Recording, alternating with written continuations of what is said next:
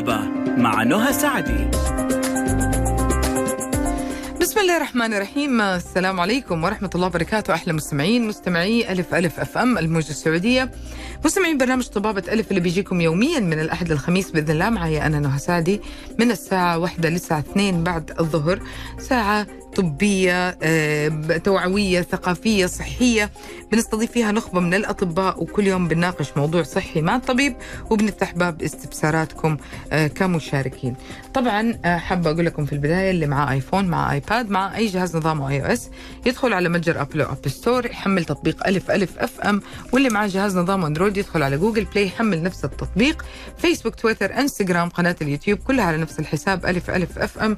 سناب شات على ألف ألف FM. live تواصلكم معنا إذا كان عن طريق اتصال آه، على صفر واحد اثنين ستة واحد ستة واحد واحد صفر صفر. وإذا كان برسالة على صفر خمسة وخمسين ستة وستين ثمانية تسعة صفرين واحد. واليوم معنا مستشفى الدكتور سمير عباس آه وبنستضيف دكتور باسم علي استشاري ورئيس قسم أمراض النساء والتوليد. وحنتكلم في آه موضوع بصراحة أنا أنا أنا أنا بالنسبة لي أقول عليه لغط مرة كبير وحنصحح نقاط مرة كثير، يعني هو اليوم توجيه وتصحيح أكثر منه آه، حتى يمكن إضافة. آه، دكتور باسم كيف حالك؟ الحمد لله ازي حضرتك الله يسعدك يا رب. آه، طبعا إحنا يعني تكلمنا شوية تحت الهواء عارفين الفكرة عارفين إيش الموضوع لكن حبينا إنه كمان يكون معاكم على الهواء بصورة جدا مختلفة بحيث إنه توضح أفكار مرة كثير. خلينا نبدأ بأول حاجة آه، بكلمة أكياس المبيض. هي كلمة آه، للبعض مخيفة لأنها عملت مضاعفات وللبعض عادي يعني يقول لك عادي دكتوري قال لي تقدري تعيشي فيها أنا باخذ علاجاتي والدنيا هذه كلها. خلينا نعرف إيش هي في البداية إيش هي أكياس المبيض؟ مساء الخير عليكم جميعا. مبسوط إن أنا مع حضرتك النهارده ومع السادة المستمعين وإن شاء الله يكون دمنا خفيف عليهم لمدة الساعة اللي جاية دي. تشرفنا آه مبدئيا بالنسبة لموضوع أكياس المبيض أنا اخترت الموضوع ده زي ما حضرتك قلتي لأن عليه كتير من اللغط وكتير من المعتقدات الخطأ إن أي كيس على المبيض لا ده ورم آه لا ده أنا كده عندي مشكلة كبيرة هيأثر على الحمل عندي هو ده اللي ملخبط الدورة الشهرية. فاحنا جايين النهارده عشان نجاوب على كل ال- اللغط ده ونفسر شوية مفاهيم آه، للناس. ونوضح. آه، نعم. ونوضح الكلام. آه، طبعا مبدئيا الفرق بين أكياس المبيض وتكيس المبايض دي أول نقطة نحب نبدأ بيها فرق كبير جدا. يا ريت. يعني موضوع موضوع تكيس المبايض هو عبارة عن خلل هرموني بيؤدي إلى إن آه، لخبطة في التبويض. المفروض الست الطبيعية بيجي لها بيحصل عندها التبويض مرة كل شهر وبالتالي الدورة الشهرية بتيجي مرة كل شهر وبالتالي فرص الحمل. بتكون آه، أثناء فترة التبويض مرة كل شهر. الست اللي عندها تكيس المبيض هي ما عندهاش كيس على المبيض. هي عندها خلل في الهرمونات فبالتالي التبويض غير منتظم. فبالتالي التبويض ممكن يحصل بالصدفة مرة كل 3 4 شهور. تتأخر عليها الدورة الشهرية وهي جزء من متلازمة.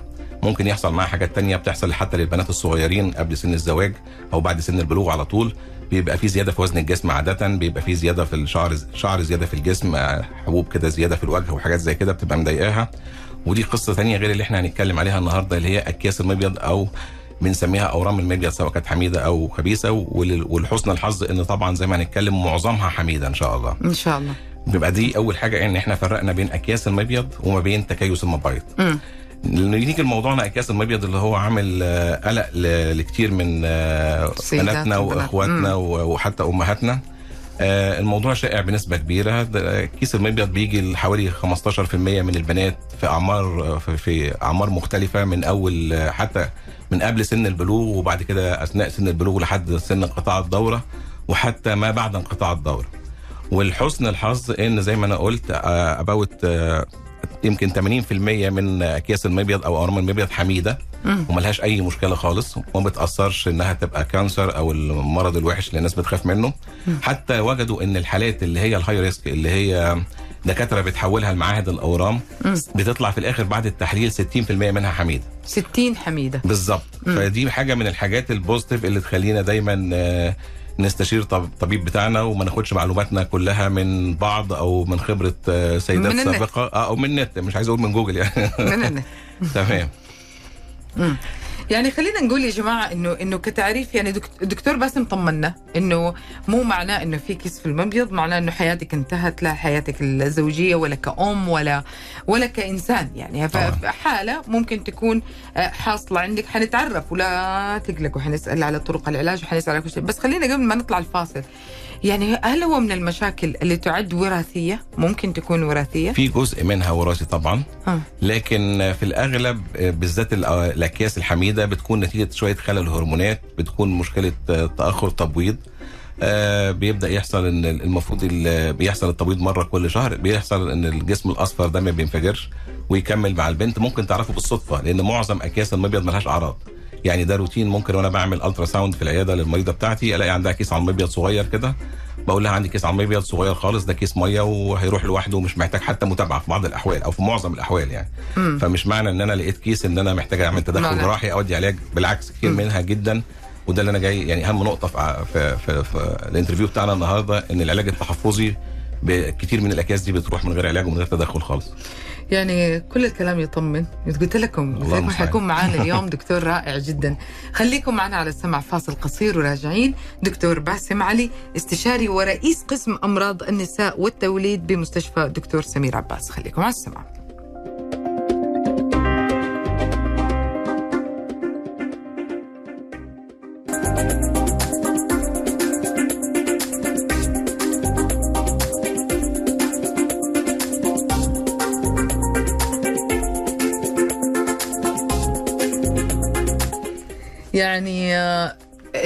شخصية ممتعة طبيب آه، جدا راقي يعني ما تملوا معاه تحت الهواء على الهواء. حوار شيق حوار مهم حوار ضروري حوار كمان مفيد. آه، دكتور باسم علي استشاري ورئيس قسم أمراض النساء والولاده جماعة ترى على فكرة اللي ما لحق الحلقة يقدر يسمعها كاملة على اليوتيوب. بكرة بعده بالكثير حتكون كاملة موجودة على آه، منصة اليوتيوب على قناة ألف ألف أف أم. أعمل البحث باسم دكتور باسم علي آه، باسم علي استشاري قسم قسم ورئيس قسم أمراض نساء ولادة أو موضوع أكياس الم- المبيض. خلينا يعني نوضح الصورة أكثر. مين الأعمار الأكثر آه، تعرض لوجود أكياس في المبيض؟ أنا ماني قادرة أقول عليه حالة أو مرض. لا طبعا هي مش كلها زي ما اتفقنا أمراض أو كلها مم. حاجات تخوف لكن آه، المبيض زيه زي أو يعتبر من أنشط الغدد اللي في الجسم. أي غدة شغالة معرضة إنها يحصل شوية آه، خلل فيها وتبدأ تكون أورام معظمها زي ما اتفقنا حميدة أو تبدأ تكون أكياس. فبالطبع المبيض بيكون أكتر فترة شغال فيها اللي هي فترة آه، من بعد البلوغ لحد سن آه، انقطاع الدورة. يعني من سن 15 لسن 45 سنة. دي الفترة اللي بيكون فيها المبيض very active وبالتالي بي بي بنجد إن كتير من السيدات في المرحلة دي من سن 15 ل 45 سنة بيمروا بمرحله كيس على المبيض سواء مم. كيس مية أو كيس دموي أو بطانة رحم مهاجرة مع اختلاف المسميات مسميات ومع اختلاف ال- السبب. فدول أكتر ناس آه، بيبقوا معرضين لأكياس المبايض وبناء على شكل الكيس والأعراض اللي موجودة عند المريضة والفحوصات أهمها الأشعة التلفزيونية اللي بتتعمل أو دلالات الأورام بنقول الكيس ده هنتدخل هنعمل جراحة هنعمل منظار أو الكيس ده هنعالجه بالعلاج التحفظي ونتابعه بس أو هنقول للمريض لا انت زي الفل وكبري دماغك امورك تمام والكيس ده هيروح لوحده مش هنلاقيه بعد الدورة الجاية يعني نقدر نقول إنه ما في حالة أكياس مبيض تشبه الحالة الثانية لا طبعا يعني نهائيا لا. لا في درجتها ولا في ولا في تأثيرها ولا في أي حاجة من هذا لا هو اللي أنا. اللي أنا بقوله ده مش معناه إن أنا بقول اكياس المبيض لما تيجي خلاص إحنا كويسين ما نروحش للدكتور طبعا إيه لا طبعاً. آه الطبيب لا طبعاً. لازم يشوف المريضة ولازم يقيم الكيس ده ولازم يشوف المريضة عندها أعراض ولا لا ولا هو اكتشف الكيس ده بالصدفة وبيطلب لها الأشعة التلفزيونية المناسبة عشان يهمنا جدا. شوية مقاييس عشان أحكم على الحالة دي هنمشي في اي سكة بالظبط؟ طب دكتور باسم معلش يعني من أي سن أنا أبدأ أشوف بنتي إذا مثلا عندها مشكلة أو أنا متى أروح؟ هل في إذا هو كمان ممكن يكون بدون أعراض؟ يعني هل هو في في الفحص الدوري ممكن يبان؟ بس أنا مش حروح أسأل إنه هل أنا عندي يعني صعب. لأنه. لو حسال على دي الحالة حسال على ألف حالة. هل, تمام، هل عندي. كاس؟ هل عندي تكيسات؟ هل عندي آه، مشاكل في كذا؟ هل عندي مشاكل في كذا؟ فكيف الإجراء هذا بيكون؟ هو في الطبيعي إن معظم لو هنتكلم على السن ما قبل انقطاع الدورة اللي هو السن الصغير قبل سن البلوغ أو حتى سن البلوغ مفيش رو مفيش test بيتعمل روتين إن أنا أدور آه، بطريقة دورية بالأشعة التلفزيونية المريضة عندها كيس على المبيض ولا لأ. إلا لو كان هي عندها أعراض. عندها أعراض بمعنى إن آه، يعني كتير من أكياس المبيض لو كبرت أو بدأ يبقى فيها تجمع دمو- دموي أو بدأت يحصل فيها torsion أو تلف تبدأ المريضه تجيلي بشوية مغص المغص ده بيختلف بدرجته وبيختلف بطبيعته على حسب آه، حجم الكيس وعلى حسب ال- ال- ال- المشاكل اللي عامل اللي عاملها الكيس. بمعنى آه، في بعض المرضى بيبقى شوية عندهم عندهم شوية تقل بس آه، درجة بسيطة جدا من الألم. لو حصل التواء جامد يبدأ الألم ده يزيد. ممكن يحصل مثلا انفجار في الكيس جوه يبقى عامل زي ألم الزايدة أو المريضه تيجي تشتكي من stabbing pain زي السكاكين كده أو الشكشكة فبالتالي ده بيحتاج تدخل جراحي. بنسبة كبيرة. لكن عشان أقول ضرورة روتين إن أنا أدور على كيس المبيض عند كل السيدات ده طبعا مش مش موجود. إلا في الحالات اللي هي بقى العكس ما بعد انقطاع سن الدورة والعيلة دي مثلا تكون high risk أو عندها جينات معينة بتؤدي إلى زيادة في معدل حدوث أورام المبيض أو أورام الثدي أو أورام ال- ال- القولون. دي اللي إحنا ممكن ندور عليها. لكن في الغالب إحنا ما بنقدرش نشخص كيس المبيض إلا لو عامل أعراض للمريضة أو أنا اكتشفته بالصدفة وطمنت المريضة إن ده كيس مية وبالتالي هو مش عامل لها أي أعراض وممكن أتابعه بعد كده بالسونار.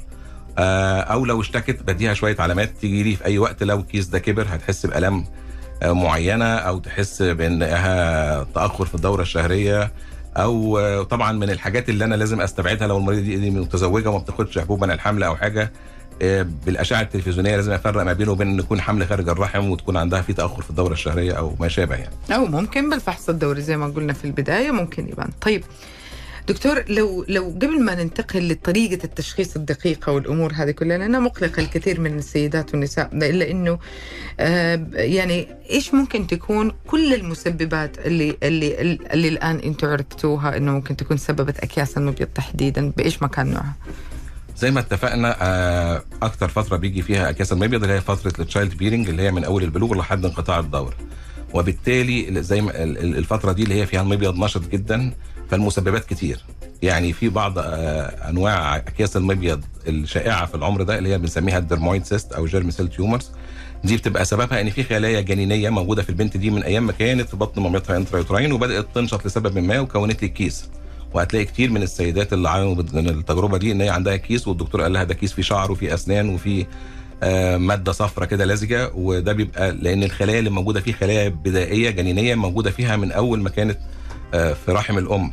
بدأت تنشط لسبب ما إحنا مش عارفينه. مم. كتير من الأكياس بتبقى أكياس مية وما بتعملش أي مشاكل للمريضة وما لهاش أي أعراض إلا لو كبرت أو فتحت جوه وانفجرت. والنوع الثالث من الأكياس الشائعة هو الأكياس الدموية أو بطانة الرحم المهاجره وده كتير من السيدات بيكتشفوه وهم روتين بيعملوا فحوصات عشان تأخر الحمل أو إن هم عايزين baby أو حاجات زي. كده هل بتدرج الحالة؟ يعني مثلا هل هل التدريج أو انتقال الحالة من stage لثاني من مرحلة لثانية بيكون آه، بطيء ولا ممكن يعني ممكن من من الوجود للانفجار على طول؟ آه لا آه على حسب. يعني زي ما اتفقنا كل واحد من ده ليه كل نوع من الأكياس ده ليه سببه. فكيس مية صغير ده ممكن يروح لوحده وما ينفجرش وخصوصا لو حجمه صغير. التشخيص المبدئي هو ده المهم وهو ده اللي الدكتور بيعمل counseling للمريضة بتاعته ويقول لها ده احتمال إنه يلف وده يستحسن إن إحنا ما آه، ما ن- ما نمشيش في سكة العلاج التحفظي ونعمل جراحة. يعني بمعنى تاني لو أنا شفت واحدة عندها كيس مية 5 سم و in good ده غالبا هي هيروح لوحده وده مش محتاج تدخل جراحي وحتى مش هخوفها. إنه حتى لو انفجر مش هيعمل لها أي مشاكل. لكن آه، يعني آه، آه، أيوة، كمل دكتور. آه لكن لو جيت شفت كيس آه، أكتر من 7 سم وكبير و- أيوة، اللي هو اللي هو ال medium size ده هو ده اللي إحنا بنخاف منه شوية. ده اللي ممكن يلف وممكن يعمل لها torsion في أي وقت ويعمل لها ألم زي ألم الزايده وتجي تصحيني. الفجر. آه تيجي على الطوارئ الفجر و- ويبقى فعلا محتاج تدخل جراحي.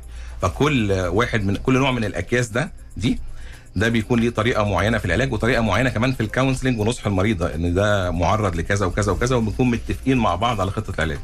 طب إحنا كده عرفنا إنه أكياس المبيض ممكن تسبب حالات تانية بس هل في حالات تانية ممكن تسبب أكياس المبيض؟ يعني هل سمنة آم، أمراض معينة نقص vitamins أو معادن؟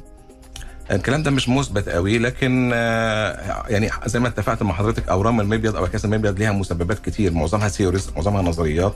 لكن لو وجدوا في الدوريات إن في حاجات بت- بتخلي اكياس المبيض أكثر حدوثا زي الستات مثلا اللي بتاخد تنشيط آه، عشان يحصل حمل أو بتعمل induction ovulation يعني تنشيط للمبايض العلاج الهرموني. آه، دول أكثر عرضة إن يجي لهم أكياس المبيض ال- الناس اللي عندها مثلا بطانه رحم مهاجرة دول غالبا بيبقى عندهم أو كتير منهم بيبقى عندهم أكياس دموية على المبيض وساعات بترجع تاني بعد ما بتتشال. مم. كمان طريقة الشيل في الجراحة سواء بالمنظار أو الجراحة ليها. دور في الريكارنس أو في إن يحصل تاني أو لأ.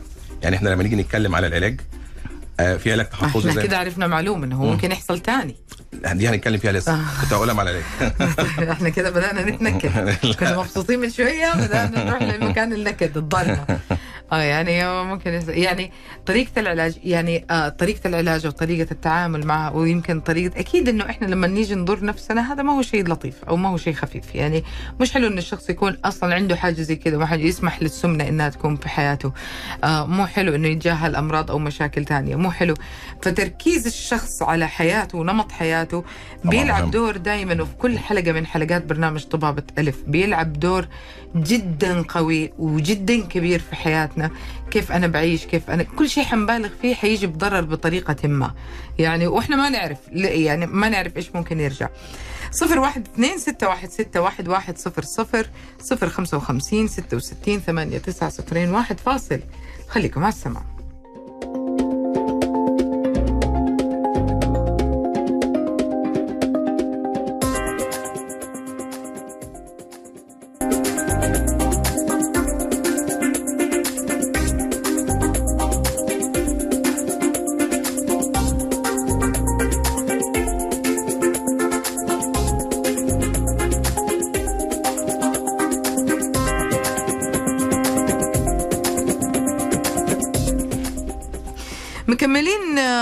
معاكم آه، وأهلا وسهلا. آه، بنتكلم في موضوع جدا جميل وجدا شيق. والآن إحنا وصلنا خلينا نتكلم آه، دكتور باسم شوي على أعراض ال ال ال ال ال ال الأكياس ال- المبيض. المبيض. زي ما اتفقنا أول أو معظم أكياس المبيض بتبقى بدون أعراض. بقية الأعراض اللي هي ممكن تكون أعراض بسيطة من شوية امتلاء في البطن شوية عسر هضم. في بعض ال- المرضى لو الكيس بدأ يكبر قوي بيبدأ يضغط على المثانه بيبدأ يعمل آه، ممكن شوية اضطرابات في في الجهاز الهضمي وإمساك وحاجات زي كده. آه لو حصل بقى شوية مضاعفات في الكيس آه إن هو حصل التواء أو حصل انفجار في الكيس داخل البطن ده هو اللي ممكن يجيب المريض الطوارئ في أي وقت بالام شديدة وبتحتاج تدخل الجراحي في معظم الأحوال في ساعتها على طول. يعني خلينا نقول إنه أنا في سؤال أبغى أسأله. المضاعفات في الأعراض. يعني اللي هي تجاهل. أنا تجاهلت تجاهلت تجاهلت تجاهلت يعني كإحساس كألم كتغيير آه، إيش إيش ممكن؟ يعني في ناس كثير تقول إنه أنا كنت ساعتها بدأت أحس إن أنا دائما عندي اكتئاب وأنا دائما متضايقة. هل حقيقة ولا بس متخيل؟ معظم الناس اللي بتشتكي من الشكوى دي إن هي ما وصلهاش فكرة آه، أو أو ما شاركتش الطبيب بتاعها في البلان. وما فهمهاش كويس إن الكيس ده ملوش مشاكل وإن إحنا بعد شهرين ثلاثة هنعمل سونار مش هنلاقيه تاني. آه، من هنا المريض لو فهم الخوف ده بيزول والاكتئاب ده بيزول وبيبقى هو والدكتور on the same page يعني هما الاثنين متفقين على خطة العلاج وهي بتبقى على تواصل معانا في أي وقت لو حصل أي جديد بنتدخل في الوقت المناسب. آه، لأن طبعا في ال في ال الأولوية إن أنا أتجنب الحل الجراحي أو آه، إن مريضة ممكن تمشي بالعلاج التحفظي وأنا أدخلها في مشاكل الجراحة سواء كانت جراحة تقليدية أو بالمنظار. آه، بعيدا عن سكة ال ال الخوف دي لو زي ما اتفقنا لو المريض فهم. آه، أنا المريض بتاعي أنا مش هخليه يتجاهل. أنا هقول له إن إحنا الكيس بتاعك حضرتك الكيس بتاعك ده كيس مية وإحنا عندنا أعراض كذا وكذا وكذا ممكن تحصل. لو حصلت في أي وقت حضرتك بتيجي على الطوارئ وبيتم الاستدعاء عندنا في المستشفى. نخبة من أمهر الجراحين في جراحة المناظير. معظم أكياس المبيض كمان زي ما هنتكلم بعد كده بتتشال بالمنظار ما بتحتاجش الجراحه التقليدية. مم. فأنا شايف إن المريض لو فهم من الأول وكنا متفقين على بلان واحد المريضه والطبيب آه، ما بيبقاش فيه أي خوف وبنبقى حريصين قبل ما تحصل أي مضاعفات كمان. طب خلينا ننتقل من هنا للعلاج. خلينا ننتقل في, ه- في هذه المرحلة لطرق العلاج المرتاحة وإيش بيحكم بروتوكول العلاج؟ هل جميل. هو هل هو الحجم؟ هل هو القدم والتاريخ؟ هل هو النوع؟ آه، السن؟ إيش اللي بيحكم يعني مين الأشياء العناصر المهمه جدا في اختيار بروتوكول العلاج؟ جميل. آه، أول حاجة عشان نحدد نوع العلاج إيه لازم الأول آخد تاريخ مرضي كويس من المريضة. هل المريضه عندها أعراض ولا لا؟ هل عملت آه، أشعة قبل كده في وقت معين وكان الكيس ده موجود ولا ده أول مرة نكتشفه؟ آه، هل في تاريخ آه، مرضي قبل كده في الأسرة لأورام المبيض ولا لا؟ هل الدورة منتظمة ولا لا؟ لو كانت الدورة منتظمة هل هي في أي مرحلة من الدورة الشهرية؟ هل هي في مرحلة منتصف الدورة ولا بعد الدورة الشهرية على طول؟ مم. بعد كده من أهم الحاجات اللي بنعملها إن إحنا بنعمل أشعة تلفزيونية. الأشعة التلفزيونية بتتعمل اشعه تلفزيونيه على الحوض أو أشعة تلفزيونية مهبلية دي فايدتها إنها بتوريني حجم الكيس اللي على المبيض بتوريني نوع الكيس هل هو كيس مائي هل هو كيس دموي هل هو كيس آه، زي ما اتفقنا اللي هو ال dermoid اللي هو بقايا الخلايا الجنينية النشطة اللي موجودة وده بيحتاج التدخل الجراحي سواء بالمنظار أو عملية فتح بطن. فبالتالي السونار خطوة مهمة جدا أو modality مهم جدا إن أنا أحدد هعالج المريضة ولا همشي بالع- اعالج المريضة جراحيا ولا همشي بالعلاج التحفظي. بعض المرضى بنحتاج نعمل تحليل دم كمان اللي هو دلالات الأورام. مم. بناء على كده بنبدأ نحدد آه، مدى مدى خطورة الكيس ده على المريض. هل ده كيس مية عادي؟ مجرد علاج تحفظي. حجمه صغير أقل من 5 سم كيس مية ما فيهوش أي عقارة. خلاص المريضه بتتابع وغالبا بعد ثلاث شهور ما بيحتاجش أي علاج. كنا زمان بندي حتى للمريضة دي حبوب منع الحمل مم. إنها بتعمل بت- بت- بت- بتخفي الكيس ولكن الكلام الجديد لا هي ملهاش أي دور وهو غالبا لو كان كيس نتيجه خلل هرموني بيروح لوحده مم. لو الكيس ده حجمه كبير أو زي ما اتفقنا كيس دموي أو عامل ألم للمريضة أو كيس آه، نتيجة خلايا جنينية اللي هو ال dermoid اللي اتفقنا عليه ده غالبا بيحتاج العلاج الجراحة ودي غالبا عندنا بنعملها كلنا بالمنظار الجراحي. according بقى لسن المريضة والتاريخ المرضي اللي إحنا اتفقنا عليه في أورام في العيلة أو ما فيش قبل كده ودلالات الأورام اللي إحنا بنطلبها للمريضة زي حاجة اسمها CA 125 مم. وشكل الكيس بالأشعة التلفزيونية بيفرق معايا لو الكيس ده عبارة عن وحدة واحدة أو مقسم بحواجز. أو في استسقاء في البطن أو في كمان كيس على الناحية الثانية هل هو على ناحية مبيض واحدة ولا على الناحيتين. أو في solid area أجزاء صلبة. بندي score للمريضة دي وبنشوف ال score ال score ده قليل ده غالبا بنسبة كبيرة كيس حميد وهنتدخل بالمنظار فتحة صغيرة كده وبنشيله خلاص وكفى الله المؤمنين شر القتال. لو ال ال ال risk ده طلع عالي بنبدأ نقول المريضة دي وده إن شاء الله ده في حالات قليلة زي ما اتفقنا من أيوة. الأول بنقدر نقول إن إحنا قلقانين من الكيس ده وهنضطر نعمل جراحة سواء جراحة تقليدية. في الحالات العالية قوي وبالذات في سن ما بعد انقطاع الدورة اللي فيها أرقام دلالات الاورام عالية واحتمالات إن ده يكون cancer بنسبة كبيرة. طبعا الحالات دي بتتعمل في آه، بواسطه جراح اورام أمراض نساء أو في oncology center يكون لأن المريضه بتحتاج متابعة وبتحتاج جلسات تانية بعد ال- إزالة ال- الورم. وربنا يعافي الجميع إن شاء الله. مم. يعني خلينا نقول انه الحلول موجودة من من من أول الحالات أو أول التشخيص إلى نهاية المضاعفات، هل منها في العلاجات مثلا اختيارية؟ يعني تيجي واحدة تقول أنا ما أبغى أعمل الجراحة ف يعني ممكن أطول في العلاج اللي هو التحفظي. أو في العكس يعني طب أنا ليه أدخل أو آخذ الأدوية دي كلها وأعمل وأعمل فخليني أتخلص من الموضوع أسوي منظار أو أسوي أو جميل. أسوي جراحة. أكيد دكتور مهما كان إحنا يعني نجهل هذا الأمر ما هو تخصصنا ما نعرف بس أكيد إنه جاتك حالات زي كذا تقول لك إنه. أنا بختصر الموضوع وخلاص مو مو مشكلة هل هذه الأشياء فعلا هي اختيارية وموجودة الاختيارات هذه ولا بروتوكول العلاج حقيقي بيتحدد على حسب الحالة والأفضل ليها. لا في جزء من الاكياس المبيض ينفع نعمل فيها الكلام. يعني آه، في في منطقة اللي هي ال grey zone اللي هي كيس مبيض حجمه متوسط من 5 ل 7 سم والمريضة وهو كيس مية. والمريضة مش عايزة عايزة تبعد عن الجراحة وشايفة إن إحنا ممكن نستنى وناخد فرصة إن هو يروح لوحده. ده أمر وارد وده مكتوب في آه، في في الكتب والدوريات يعني. مفيش مشكلة إن إحنا ندي فرصة ونتابع بالسونار بس أنا بحفظها. إيه علامات الطوارئ؟ هتجيلي إمتى؟ لو حصل واحد اتنين تلاتة. ألام شديدة لو حصل إن أنت آه، الح- بطنك بدأت تكبر أكتر من اللازم لو لو لو. زي ما اتفقنا كده إن الكيس يحصل انفجار يحصل فيه التواء تيجي لي على الطوارئ في أي وقت. مفيش مشكلة بقدر إن أنا أمشي معاها على على نفس ال plan وبتابع المريضه دي بعد ثلاث شهور و- وبنسبة كبيرة من المرضى بيحصل لهم تعافي كامل. في مريضة تانية عندها فوبيا لا أنا اشيل لي الكيس أنا خايفة من ال cancer وده بيحصل برضو عندنا ولازم اختيارات العيان المريض يحترم ويبقى جزء من ال plan في في العلاج. لكن عند عند level معين لا. يعني مثلا لو ال- الورم ده highly suspicious أو أنا شاكك فيه بدرجة كبيرة لا. أنا لازم أوجه المريضة وأعرفها إن إحنا نمرة واحد عندنا دلوقتي الجراحه وجراحة هيقوم بها دكتور جراحة أورام أو دكتور جراح كبير وهكذا. ففي جزء ده وده النسبة الاكبر على فكرة من العلاج. لازم المريضة تكون فاهمة البلان معايا ونكون متفقين وبحترم اختيارات وأفضليات المريضة وممكن نمشي عليها. الأكياس علاجها طرق علاجها هل بتأثر على خصوبة المرأة أو إنه مثلا احتمالية إنه حرمانها من الحمل أو شيء زي كذا سواء كان التشخيص أو نفس المشكلة أو طرق العلاج؟ آه، هل ممكن يعني آه، يعني تحرمها من الأمومة أو تسبب لها مشاكل؟ ده؟ سؤال جميل جدا وبنتساله كل يوم. اولا ال- الموضوع بيتاخد كباكج على بعضه. لازم التاريخ المرضي للمريضة يكون عندي موجود. يعني المريضة دي أصلا بتعاني من آه، تأخر في الحمل ولا ما شاء الله عندها أولاد قبل كده. وسن المريضة مهم جدا لأن حضرتك عارفة إن مخزون المبيض عند السيدات بيقل مع زيادة العمر. يعني خصوبة السيدة عند 25 سنة غير خصوبتها عند 40 سنة. فبالتالي لما أجي أتدخل في وأحط plan إن أنا هتدخل إزالة كيس للمريضة لازم أكون واضع في اعتباري إن المريضة دي آه، لسه محتاجة لسه محتاجة حمل وسنها كمان فوق ال 35 سنة وبالتالي مخزون المبيض عندها قليل.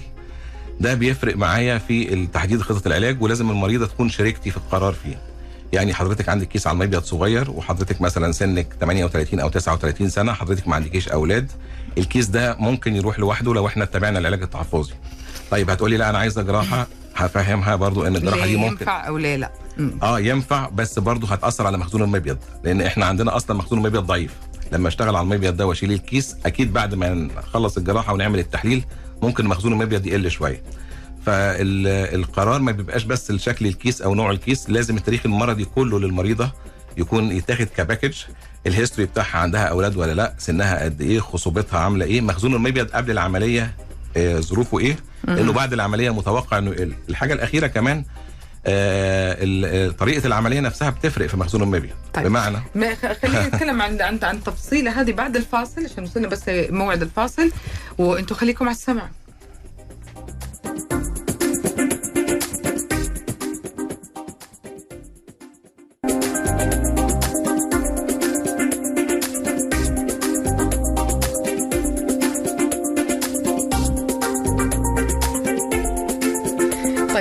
نكمل عند النقطة اللي وقفنا عندها إنه هنا بيكون آه تعرف إنه إيش إيش المضاعفات وإيش السبب اللي ممكن يكون اختيرت الجراحة ليه.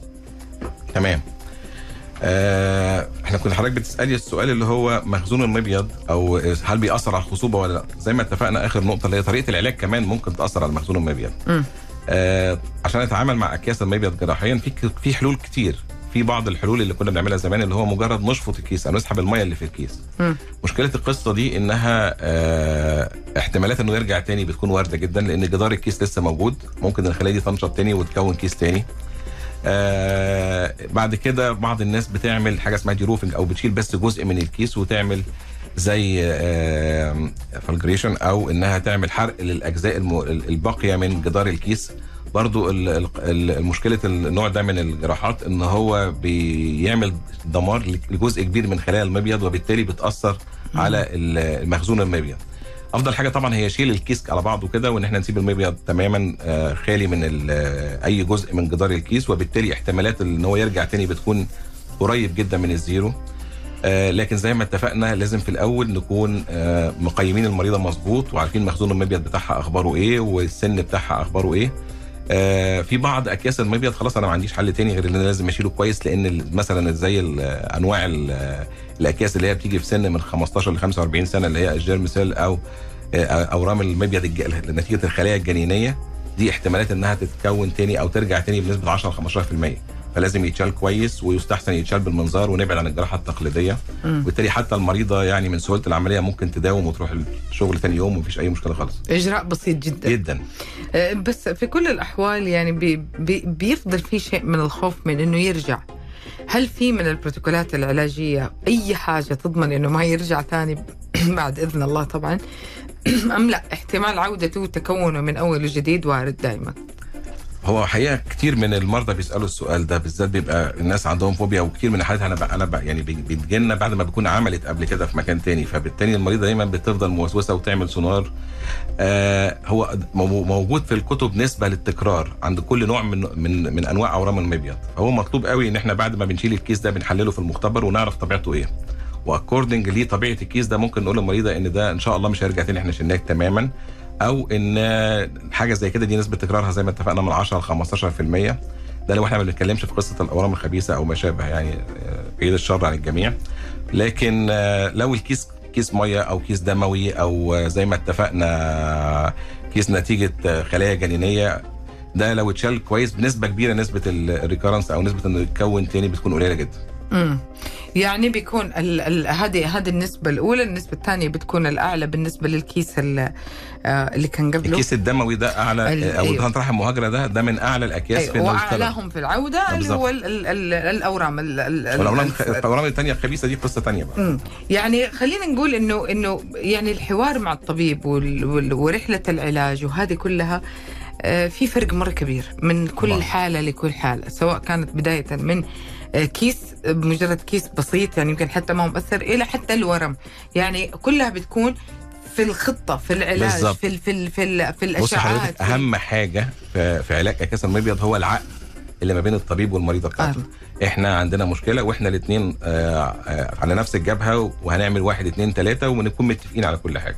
كده الدنيا بتمشي كويس. حتى المريضة بتعرف إنها إيه إمتى تروح تخاف وامتى تروح تكشف وامتى تروح الطوارئ وبتكون أقل في القلق وفي في الريبة إن كل شوية يبقى عندها فوبيا على الفاضي من غير أي داعي يعني. الكثير من الأمهات إحنا إحنا في في بداية الحلقة قلنا إنه من سن صغيرة بس الكثير من الأمهات والآباء بيكون عندهم قلق وتوتر على بناتهم بالنسبة آه، لإنه أي إجراح آه، وخصوصا في في في هذا المجال أي جراحه أو أي إجراء ممكن يأثر على عذريتها أو ممكن يأثر على احتمالية إنه هي آه، تخلف. يعني بي- بي- بيكونوا بيسألوا دي الأسئلة وبتكون بالنسبة لهم جدا مهمة. إنه أكون أنا عارف أنا فين رايح من الموضوع هذا. فنبغى نبغى نكلمهم في هذا الموضوع شوي. طبعا بالنسبة للعذرية هو ملهاش علاقة بالموضوع خالص. إحنا بنتكلم على أكياس المبيض. ال- حتى لو عملنا حل جراحي بيكون عن طريق المنظار. وتبقى المنظار عادة جراحة غير تقليدية عبارة عن فتحتين ثلاثة كل فتحة سنتي أو نص سنتي في البطن. والتعافي فيها بيكون خلال 24 ساعة بتبقى دي كيس والمريض بيروح وبي... المريضه بتروح بتمارس حياتها بدون أي مشكلة. زي ما اتكلمنا بالنسبة لمخزون المبيض مخزون المبيض عند البنات الصغيرين دول بيبقى عالي جدا. فبالتالي حتى لو لجأنا لجراحة المنظار وإن إحنا نشيل الكيس تماما ما بيفرقش مع المريضة خالص. وعندنا كتير من المرضى اللي شايلين كيس من المبيض بالمنظار وعندهم baby واثنين وثلاثة وأربعة بدون أي مشكلة. السؤال ال- ال- ال common برضو أو اللي بيتسأل كتير طب أنا هولد قيصري بعد ما اشيل كيس على المبيض؟ صح. آه. لا ده ملوش دعوة خالص بطريقة الولادة. حضرتك بتشيل الكيس على المبيض النهارده وحتى بنشيله وانت حامل بالمنظار. يعني في بعض أكياس المبيض بتيجي أثناء الحمل وبنتدخل بالمنظار وبتولد طبيعي والأمور بتمشي زي الفل ما فيش أي مشكلة يعني. طبيعي يا جماعة الخير إنه يكون عندنا دي التساؤلات. اللي بقول لكم هو إن كان طبيبك ما يشبه دكتور باسم. الله في في, في الإجابة وفي الاطمئنان وفي طريقة الإجابة وفي آه، عدم ال ال حتى ال ال في دكاترة معلش نتكلم بصراحة إنه في دكاترة بتيجي تسألهم طبيبك يقوم يقول لك كيف يعني هذا ما له دخل؟ يعني صعب. صعب تجاوب على مريض ممكن يكون خايف ممكن يكون قلقان وما تعرف إيش أسبابه. يعني كل واحد عنده ظروفه وعنده بيته وعنده حياته آه، فما نعرف لكن ما كان كده غير الطبيب. أنا أقول روح طبيب ثاني روح روح دور لين ما تلاقي إنه تسمع منه زي ما سمعنا اليوم من الدكتور باسم. طيب دكتور باسم بس عشان لا ننسى كنت بتقول لي إنه عندكم فعالية ب- بكرة. جميلة. في فعلا فعالية بكرة إن شاء الله الساعة 2 الظهر. بكرة منظمة الصحة العالمية بتحتفل باليوم العالمي لسلامة المريض ومخصص السنة دي آه، اليوم العالمي لسلامة الأم والمولود. فده من حظنا بقى إن إحنا موجودين فيه السنة دي آه، إن شاء الله بكرة عاملين فعالية كويسة في مستشفى الدكتور سمير عباس. الساعة آه، 2 الساعة 2 الظهر آه آه، نتمنى يكون آه، كتير من الحوامل موجودين لأن هيبقى في زي كويز كده وأسئلة وتوزيع جوائز و شوية عروض كمان. إحنا عندنا عروض لمتابعة الحمل package كاملة للناس اللي هي حتى ما عندهاش covering بال insurance العروض دي بتشمل 13 زيارة لمتابعة الحمل الفحوصات والأشعة الأساسية أثناء الحمل. آه، بتشمل كمان package الولادة الطبيعية والقيصرية والإقامة ف وشوية خصومات كمان بعد الولادة فأعتقد آه، مشاركة كتير من آه، السيدات الحوامل هيبسطوا ويلاقوا عروض كويسة إن شاء الله الإجراءات الاحترازية طبعا موجودة طبعاً، طبعاً. وتباعد وحيكون في كمان إلى اكتمال العدد أكيد حيكون في لمرحلة طبعاً. معينة وإن شاء الله يكون الجميع اللي حظ نصيب إنه يكون حمل سليم وولادة يا آه، رب سليمة يا رب آه، دكتور يعني عودة عودة لو لو قلنا إنه أنا أبغى أختصر فكرة كيس المبيض آه، لأي مرأة بتسمعنا الآن إيش حقول لها؟ هو بالونة. يعني هو عباره زي ما الست بيطلع أو إحنا بيطلع لنا حسنة أو شامة أو حاجة زي كده حاجة حميدة جدا.